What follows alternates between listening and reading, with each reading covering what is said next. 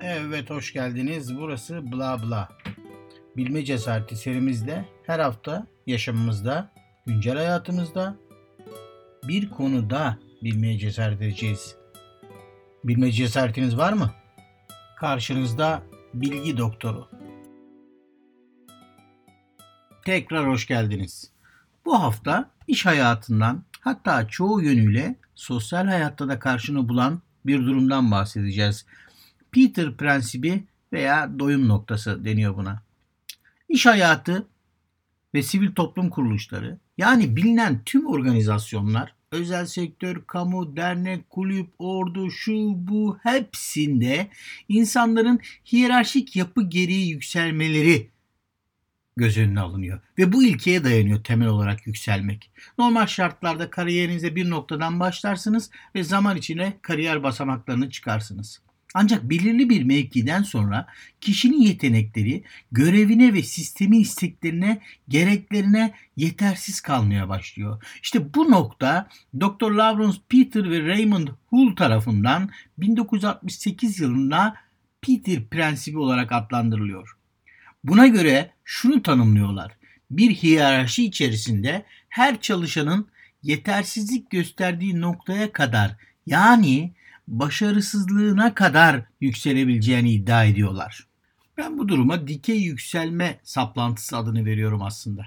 İş hayatında her konuda dikey yükselme var. Hatta çalışan kişilerde hep böyle bir beklenti var.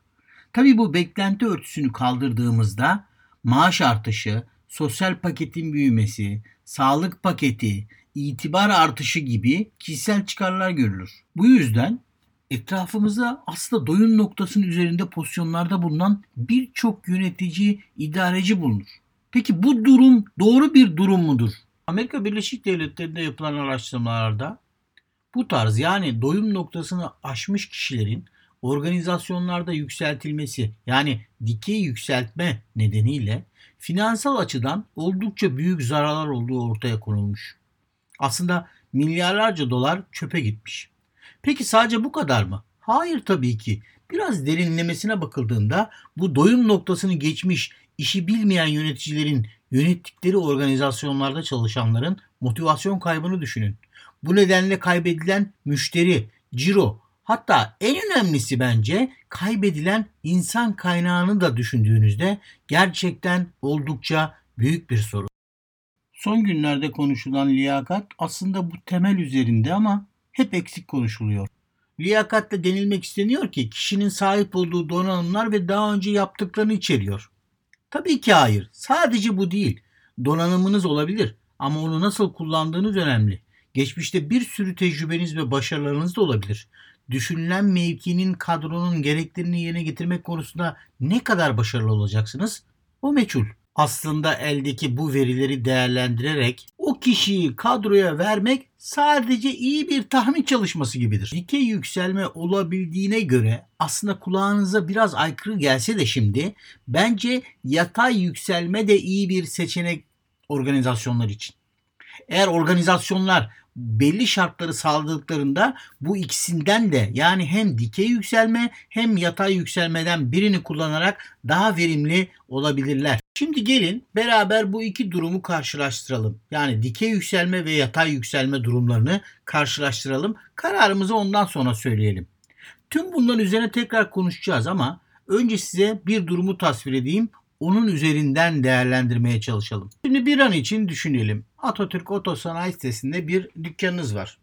Bu dükkanda arabalara bakım yapıyorsunuz. Hem motor bakımı hem fren balata bakımlarını yapıyorsunuz. Aslında komple bir servis hizmeti veriyorsunuz. Bu işlemi yaparken yanınızda da bir tane kalfanız var. Ahmet diyelim. Ahmet Kalfa müthiş bir çocuk. Personelle ilişkileri çok iyi. Müşterilerle iletişimi çok güçlü, kuvvetli. İnsanların dediklerini hemen anlıyor, istediklerini düzgün yapıyor, temiz, titiz çalışıyor aynı zamanda. Müşteri geliyor, müşteriyi iyi karşılıyor, güler yüzlü karşılıyor. Ne zaman teslim edilecekse bakımı ona göre ayarlayıp zamanında teslim ediyor. Dolayısıyla müşteri memnun ayrılıyor. Memnun ayrılan müşteri başka müşteriler getiriyor. Bu ne sağlıyor bize? Ciromuz artmaya başlıyor. Ciro artınca karımız artıyor, para kazanıyoruz. Bu durumdan tabii ki siz de patron olarak mutlusunuz. Dolayısıyla bu mutluluğunuzu Ahmet'le de paylaşmak istiyorsunuz. Aynı zamanda vicdanlı da birisiniz. Ahmet'i çağırıyorsunuz. Gel Ahmet Kalfa diyorsunuz. Senin sayende müşteri portföyümüz çok arttı.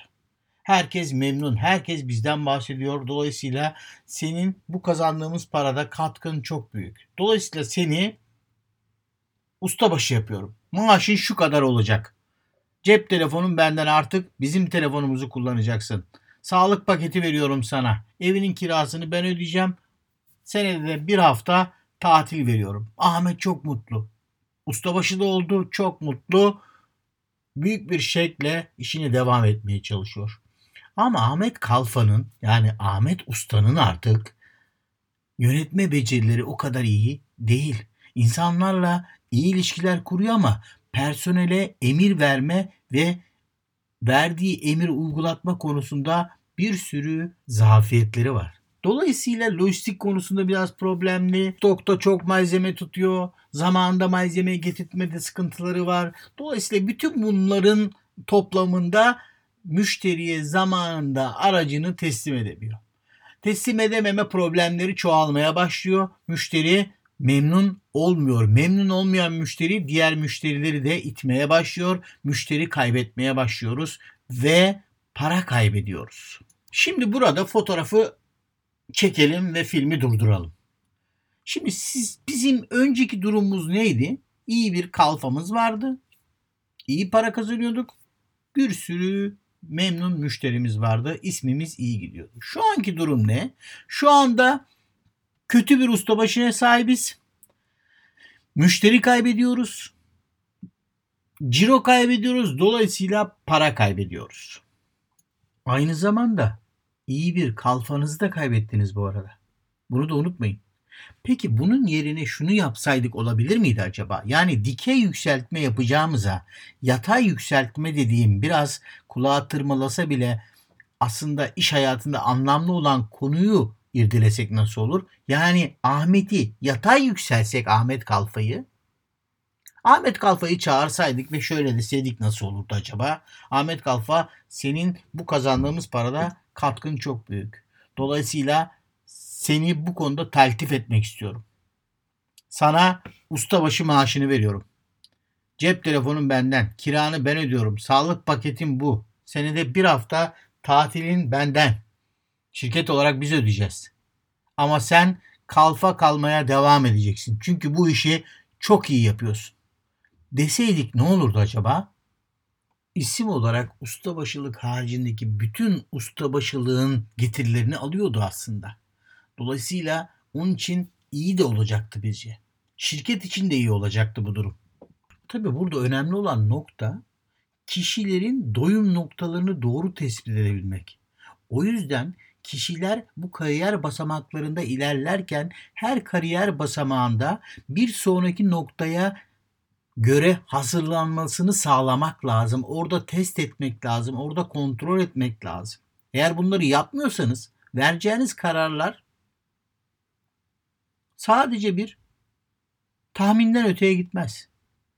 Ama daha öncesinde hazırlık yaparsanız yani özellikle HR'lar bu konuda çok e, desteklemeleri lazım bu durumu. Yani bir sonraki kariyerdeki gereklilikleri doğru ortaya koyup bu gereklilikleri sağlayıp sağlamadığını kontrol edersek kişilerin hangi doyum noktasında olduğunu bilebiliriz. Dolayısıyla da ona göre kararlarımızı verebiliriz. Burada en önemli sorumluluk HR tarafından, insan kaynakları tarafından ciddi desteklenen üst yönetimdedir. Üst yönetim düşündüğü pozisyonlara hazırlayacağı kişilerin doyum noktalarını iyi belirlemeli, iyi tespit etmelidir.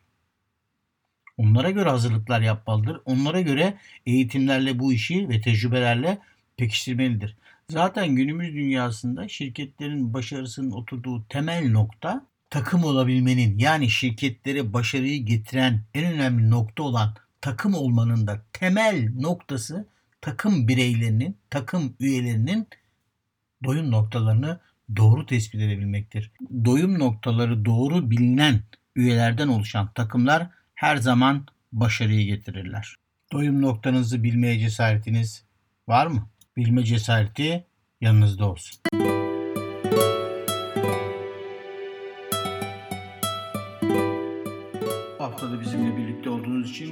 Teşekkür ediyoruz.